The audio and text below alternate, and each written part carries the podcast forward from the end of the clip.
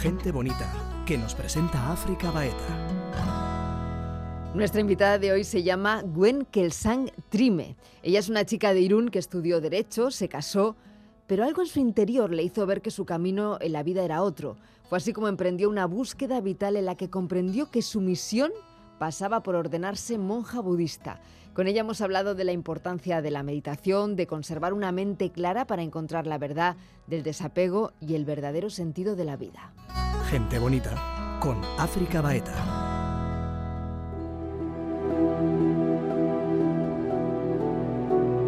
Gen Kelsan Trime, bienvenida a Gente Bonita. Muchas gracias, África, gracias por invitarnos. ¿Quién eres? Bueno, yo soy simplemente una eh, persona que está al servicio de un proyecto que es el de, una vez que voy realizando mi paz interior, poder transmitir esa misma experiencia a los demás.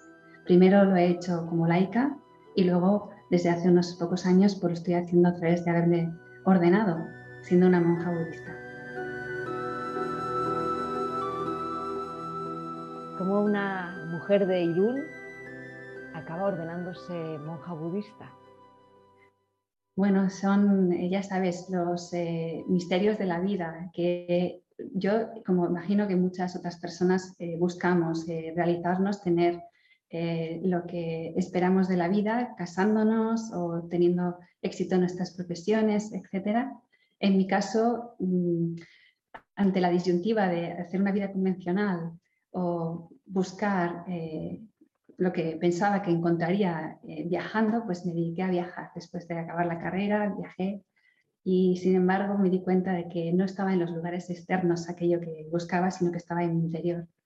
Y así es como eh, una persona de Irún eh, acaba pues, dando unas pocas vueltas por el mundo y regresando aquí, dándose cuenta de que no hay que irse fuera, sino que es dentro donde encontramos lo que realmente buscamos. O sea, que eras una buscadora nata en busca de, respuestas sobre el sentido de la existencia. Sí, que yo creo que todo el mundo nos hacemos esas preguntas, pero eh, seguramente en algunas personas se manifiesta de una forma más, intensa y en mi caso, pues sí, hubo una época de mi vida en que esas preguntas eran eh, como muy intensas. Hubo una búsqueda al principio autodidacta y pues la verdad es que me, llevaban a la filosofía budista y ahí es donde encontré enseguida muchas respuestas que me resonaban, me resonaban y me sentía en casa. De repente descubriste que el buscador no existe. Me, di cuenta de que el buscador no existe y esto es liberador, es liberador, porque el buscador nos da muchos problemas, se aferra demasiado. Pero ¿qué pasó en tu vida exactamente para que de repente te dieras cuenta de, de que las respuestas están dentro de, de uno mismo o de una misma? Pues eh, fíjate que eh, en, mi vida yo pienso que han sucedido cosas como muy comunes, ¿no? A, situaciones eh, a otras, similares a otras muchas personas. Yo estaba a punto de casarme con una formación, con, con, unas perspectivas de un buen trabajo, todo como muy, muy concreto y, y bueno, pues con la, pues lo que se espera que una persona tiene que hacer en, la vida normal. Y bueno, pues yo me di cuenta de que eso me iba a dejar insatisfecha. Algo había que, me hacía sentir que eso no me iba a dejar plena del todo y, tenía que darle explicación de dónde venimos a dónde vamos. ¿Y ahora sabes de dónde venimos y a dónde vamos? tengo lo que a mí me resuena y lo que me da a mí el convencimiento por la experiencia y el conocedor directo que tengo de él mismo. Pero claro, el que yo lo diga no significa que para otros lo sea y lo tendrán que explorar por su propio lado. Sí, tengo la respuesta. Yo, desde luego, mi proyecto espiritual, mi proyecto existencial no lo puedo ceñir al momento en que nazco y al momento que muero. Para mí eso es tan estrecho. No, no, no, no es mucho más expansiva la, la, conciencia. Cuando lo descubrimos, eh, somos sí viajeros del mundo interior que, que no, no, podemos tener una horquilla tan estrecha y entonces tenemos necesariamente una visión que va más allá del término de esta vida, nos hace espirituales. ¿Qué somos? ¿Qué somos los seres humanos? Somos personas, ¿no? Y lo que hacemos es desear con intenciones experimentar, experimentar el resultado. Esto es lo que hacemos, desear intenciones, intenciones y resultados, intenciones y experiencias. Lo que tenemos que hacer, por lo tanto, es eh, aprender a controlar qué es lo que deseamos y qué intenciones tenemos para que los resultados y sus experiencias sean en forma de felicidad, que no es lo que por lo general nos pasa. curioso, ¿no? Porque hablas de, deseos y precisamente eh, el ego, ¿no? Es el que se mueve entre el deseo y la aversión y eso es lo que provoca el sufrimiento.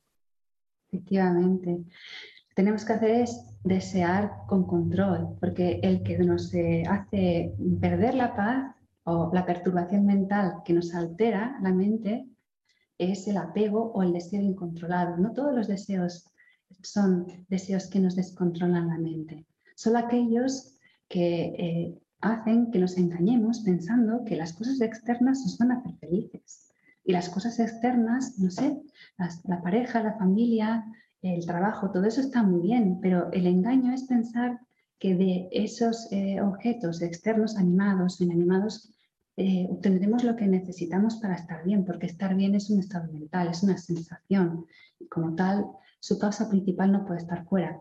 Eh, el engaño que nos hace pensar que las cosas animadas o inanimadas, las personas, los logros, son lo que nos van a hacer felices, ese el apego, el desencontrado, eso nos altera. La meditación eh, nos ayuda a tener esa claridad para discernir qué estados mentales nos sobran y cuáles son los que realmente necesitamos cultivar. ¿Cuál es el mayor obstáculo para alcanzar la paz interna, interior? El mayor obstáculo para alcanzar la paz interior son nuestras perturbaciones mentales, nuestros eh, pensamientos negativos, los pensamientos obsesivos, aquellos que eh, nos alteran o nos afligen, pero eh, como no, no, los identificamos y pensamos que el malestar que nos producen, las sensaciones agradables, están fuera, pues toda nuestra energía a lo largo de nuestra vida, cada día está dirigida a resolver. Resuelvo esto, resuelvo esto, resuelvo esto, consigo esto, me libro de esto, porque pensamos que las sensaciones positivas o negativas las podemos lograr haciendo esas eh, intervenciones en lo externo.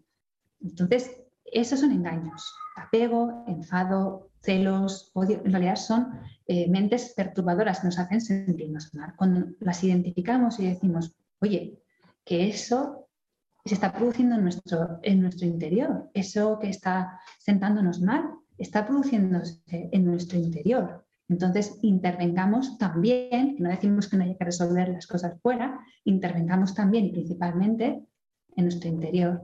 Existe el otro, porque ¿no? el otro es un reflejo, no sé si llamarlo de, mis sombras o, de las cosas que están en mí para sanar o para liberar. Existe de la misma manera, con la misma entidad que, que existe el yo, como una mera proyección y que tiene la misma consistencia que el yo y los demás de un sueño. ¿Es más real el yo de un sueño que los demás?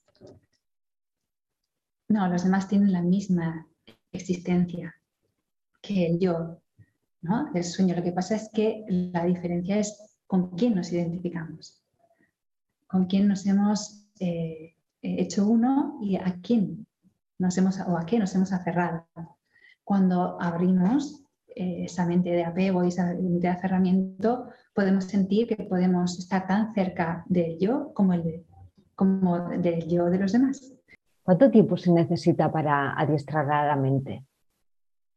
Esta es muy buena pregunta, porque aquí decimos que todo el mundo desde el minuto uno puede adiestrar la mente y los beneficios se notan. Si yo, por ejemplo, me doy cuenta de que em, eh, hemos tenido, por ejemplo, ¿no? en un momento dado un problema de conexión que se ha podido producir en algún momento con una entrevista, lo que sea, un problema de conexión. Entonces, eh, em, solemos pensar, ¿cómo hago para no eh, sentir que la mente se tensa?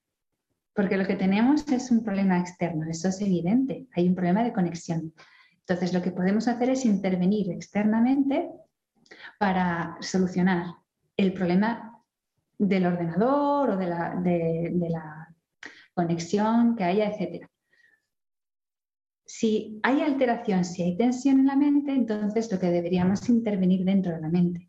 Y esto es a través de la paciencia, diciendo, bueno, ya está sucediendo, ya está sucediendo. Si lo puedo evitar, ¿por qué me tenso? Voy a hacer lo que sea externamente para, para evitarlo. En todo lo que me estás contando, ¿no? Hay un, hay un salto, ¿no? Un salto a, a la vacuidad, un salto a, a desidentificarte con, la identidad que crees que eres o el ego. ¿Cómo se da ese salto?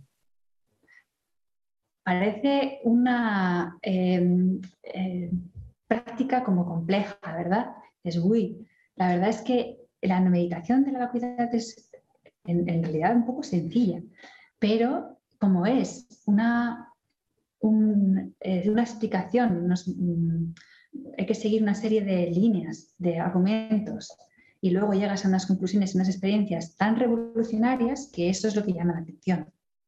¿Sabes? Porque en realidad, cuando meditamos en la vacuidad, nos damos cuenta de que ese yo que pensábamos que existía con tanta intensidad, pues mm, cae por su propio peso. porque claro, te empiezas a preguntar, hay muchas maneras de acercarse a la, realización de la vacuidad. Puede ser a través de la impermanencia sutil y es en la que tú eh, contemplas en análisis meditativo hasta que llegas a conclusiones de con cuál de los yoes deberías identificarte. Si realmente existiera uno de verdad, fijo, sólido, ¿no? que, fuera el que todos dijeran, esa es la persona, esa en ese momento, ahora esa es la persona. ¿Cuál de los, cuál de los yoes? ¿El yo de cuando éramos pequeñas? ¿El yo de cuando estábamos en el instituto? ¿El yo de la universidad? Yo, es que hay tantos, en la impermanencia sutil nos damos cuenta de cómo nos hemos identificado eh, paso a paso y momento a momento con distintos yoes. Y si te vas, eh, pues vas ajustando más, vas momento a momento, nos damos cuenta de que va cambiando. Físicamente incluso estamos constantemente modificando las células. No podríamos encontrar el mismo yo eh, en el momento inmediatamente posterior. O sea que no hay manera de agarrar desde un punto de vista lógico un yo estable, sólido como el que percibimos. No, no existe. Es liberador cuando te das cuenta porque dices, entonces, déjame elegir el que yo quiera. Que será igual, será un yo que es una apariencia. Pero deja que yo elija cuál es el yo que es más beneficioso. ¿Ya puestos? El yo eh, tiene mucha fuerza, el yo necesita constantemente tener eh, una identidad porque se sabe vacío. ¿Y cuál elegiríamos? La, que tenga más significado. Para una madre, por ejemplo, es que pueda servir de ejemplo para sus hijos educarles bien. Es como que eh, la compasión por ellos nos lleva a mejorar. Pues nosotros, eh, desde el punto de vista de maestros, maestras de practicantes de Dharma, queremos y nos, nos sentimos, nos identificamos como las madres de todos. Entonces esa responsabilidad hace que queramos ser lo mejor para ellos. Elegimos llenarnos, llenarnos de las buenas cualidades que pensamos que los demás les pueden beneficiar. No existen de manera inherente en cualquier forma. Así que podemos, es verdad, podemos vaciarlo y construirlo según nos, nos sea más útil, porque somos muy, muy prácticos, muy funcionales que funcione es lo más importante, que las cosas sirvan. Eh, siempre se habla de un camino hacia la iluminación, pero la cuestión es si realmente nosotros ya somos seres iluminados, que nos hemos desconectado de esa fuente por estar tan identificados con nuestra mente. Es decir, que esto no sé si es un camino hacia o realmente es como despojarse de todo eso que nos separa de nuestra esencia, que está iluminada. Sí, yo creo que es las dos cosas, pero mira, es despojarse de la esencia, pero esa esencia es un potencial de iluminación, porque si ya estuviera iluminada no habría nada de lo que despojarse. Por eso es verdad, en nuestra esencia, si tú descubres la pepita de oro, si la, si la descubres el barro que tiene alrededor, aparece la pepita de oro. Pero necesitamos quitar el barro y nunca ha estado al descubierto. Si no, como es irreversible, ese estado es irreversible, no, tendríamos perturbaciones. Entonces, todos tenemos en esencia el potencial. de alcanzar la iluminación. Todos tenemos, todos sin excepción, incluidos los animales, todos los seres sintientes. Pues es que nosotros ahora, por ser seres humanos, tenemos la oportunidad de desarrollar ese potencial, a diferencia de otras existencias que no lo tienen en esta vida. Por eso, mayor nuestra responsabilidad por nosotros en este momento, por nosotros y por los demás, por aquellos que no lo pueden conseguir. Ese es el trabajo, despertar el potencial. Eso es la vida, ¿qué es la vida? La vida, Uf, la vida es que, claro, como te comentaba, ¿no? para mí mi proyecto existencial vital no tiene principio, ni tiene fin, porque la experiencia que yo tengo y lo que yo he descubierto es que mi conciencia se crea de incontables pensamientos, emociones y sensaciones previas al momento presente. Si yo voy tirando del hilo, al momento anterior descubro cuál era la intención previa a la experiencia mental que tengo ahora. Si voy tirando hacia el minuto anterior, hacia la hora anterior, hacia el día anterior, hacia la semana anterior, hacia los meses y años anteriores, si pudiera ir atrás, me daría cuenta de que el origen de los eh, pensamientos y las mentes que estoy estableciendo son eh, pensamientos anteriores y no puedo encontrar uno eh, que sea el primero, porque siempre tendría otro que lo hubiera creado, no, podré, no podría construirse por sí mismo. Un pensamiento, mi experiencia es que antes ha tenido que haber otro. Entonces, eso me lleva a concluir que no puedo decir, en este momento empezó mi conciencia, porque en ese momento yo digo, sí, ¿y qué había antes? Y esa es también la experiencia de otros grandes meditadores que van hacia atrás en ese eh, trámite que acabo de describir y se dan cuenta de que el momento anterior de la primera mente que teníamos en la concepción es el último momento mental de la mente que teníamos en la vida anterior. Entonces, ¿qué es la vida? Un proyecto existencial que no tiene principio ni fin. Este tipo de visión hace que no nos podamos, yo no puedo ceñirme a los proyectos mundanos únicamente, por supuesto que son interesantes, pero he hecho tantos y tantos y tantos y tantos a, a lo largo de tantas y tantas vidas que digo, voy a establecer prioridades. voy a establecer prioridades y la prioridad para mí esta vida tiene que ser la de la iluminación. Y, esta es la, para mí, la, este es el significado de la vida. El proyecto existencial, el proyecto vital es alcanzar la iluminación. ¿Cómo unes la conciencia con el karma? Si todos somos conciencia, si no existe la, individualidad, somos parte de, somos una ola en el océano, en un océano eterno, ¿Cómo unes eso con el karma? ¿no? O sea, sin que, sin que surjan las singularidades, porque el karma, el karma lleva mucho a mí personalmente, ¿no? Desde el ego lo pienso y lo pienso que es un proyecto de, de, mi ego, ¿no? El karma, o sea, pues en esta vida tengo que hacer esto, este sentido, esta vida tiene este sentido, pero si realmente me conecto con lo que soy, que soy conciencia, ¿cómo lo unes al karma? Perfectamente, y es una pregunta que no te creas que, me la han hecho pocas veces. Y de hecho yo, también me la pude estar haciendo en un momento dado.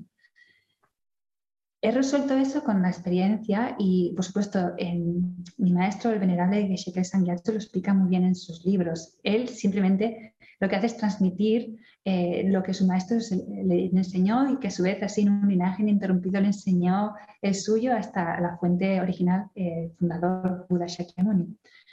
Entonces no hay contradicción. Una cosa es que es la naturaleza verdadera o última de cada uno. Cada uno, cada individuo, su naturaleza última es vacuidad, es decir, la ausencia de ese yo.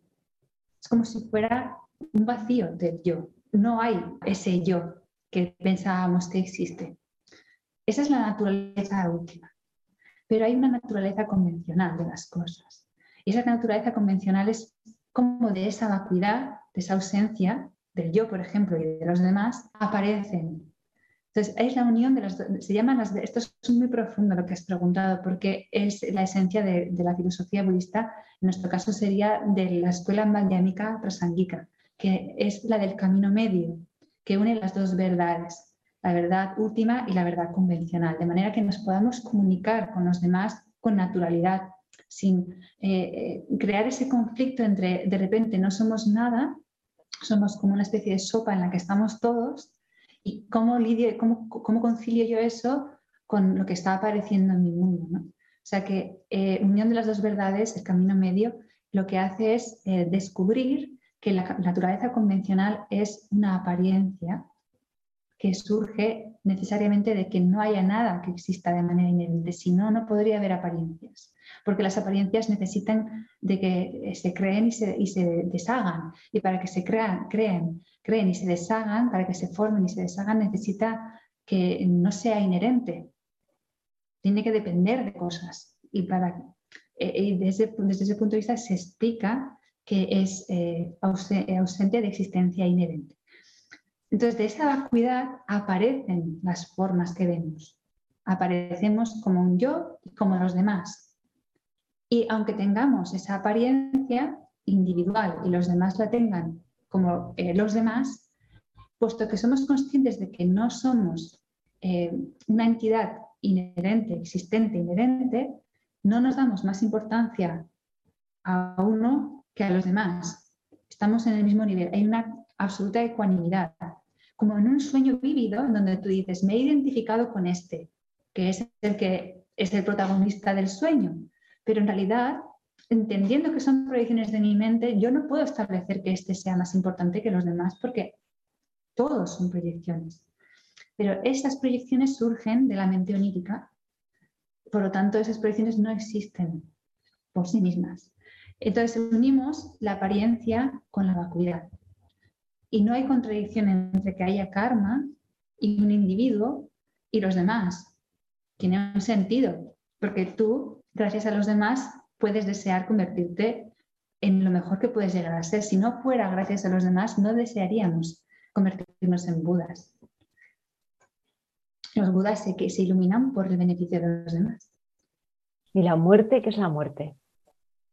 La muerte es eh, un cambio, cuando nos dormimos, la mente se separa del cuerpo. El cuerpo se queda, el cuerpo físico se queda ahí, dormido, ¿no? está eh, estático y la mente viaja pues en sus mundos de proyecciones oníricas. Esto sucede cada vez que nos dormimos y soñamos. Hay una separación de la mente y del cuerpo temporal.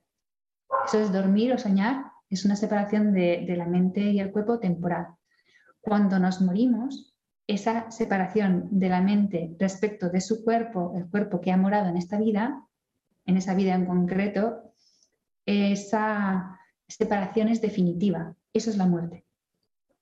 Parte del, proyecto que, decíamos antes, es parte necesaria de ese proyecto vital sin principio y sin fin. Va eh, cambiando de morada cada vez que acaba el karma de estar eh, ocupando un cuerpo, cambia y se separa definitivamente.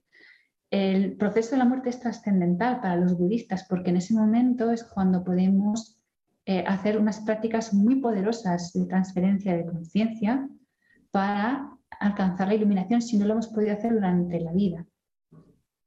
En ese momento tenemos que estar muy conscientes. Por eso parte de los votos y compromisos de las personas que no solamente los monjes o las monjas, sino también los que tienen los votos pratimoksha de laicos, eh, se, preservan de no tener demasiados estímulos de la mente para que se puedan concentrar y cualquier momento sea bueno para no perder la atención, para estar siempre con mindfulness y retentiva mental, todos los momentos. Entonces, intoxicantes, pues no, porque eso estimula la mente, hace que pierdas la atención y en cualquier momento puede pasar que, esa separación definitiva se produzca y en ese momento tienes que estar muy alerta. Entonces, quien tiene convencimiento de que eso pasa así, porque ya ha tenido alguna experiencia en meditaciones que inducen esos procesos que son como eh, meditaciones, diríamos, semejantes a la muerte, inducimos procesos eh, como simulacros, ¿no? simulaciones se llama meditaciones tántricas. Entonces, como estamos convencidos de que eso es así, necesitamos estar atentos en todo momento y tomamos esos compromisos para que nuestra mente esté vigilante.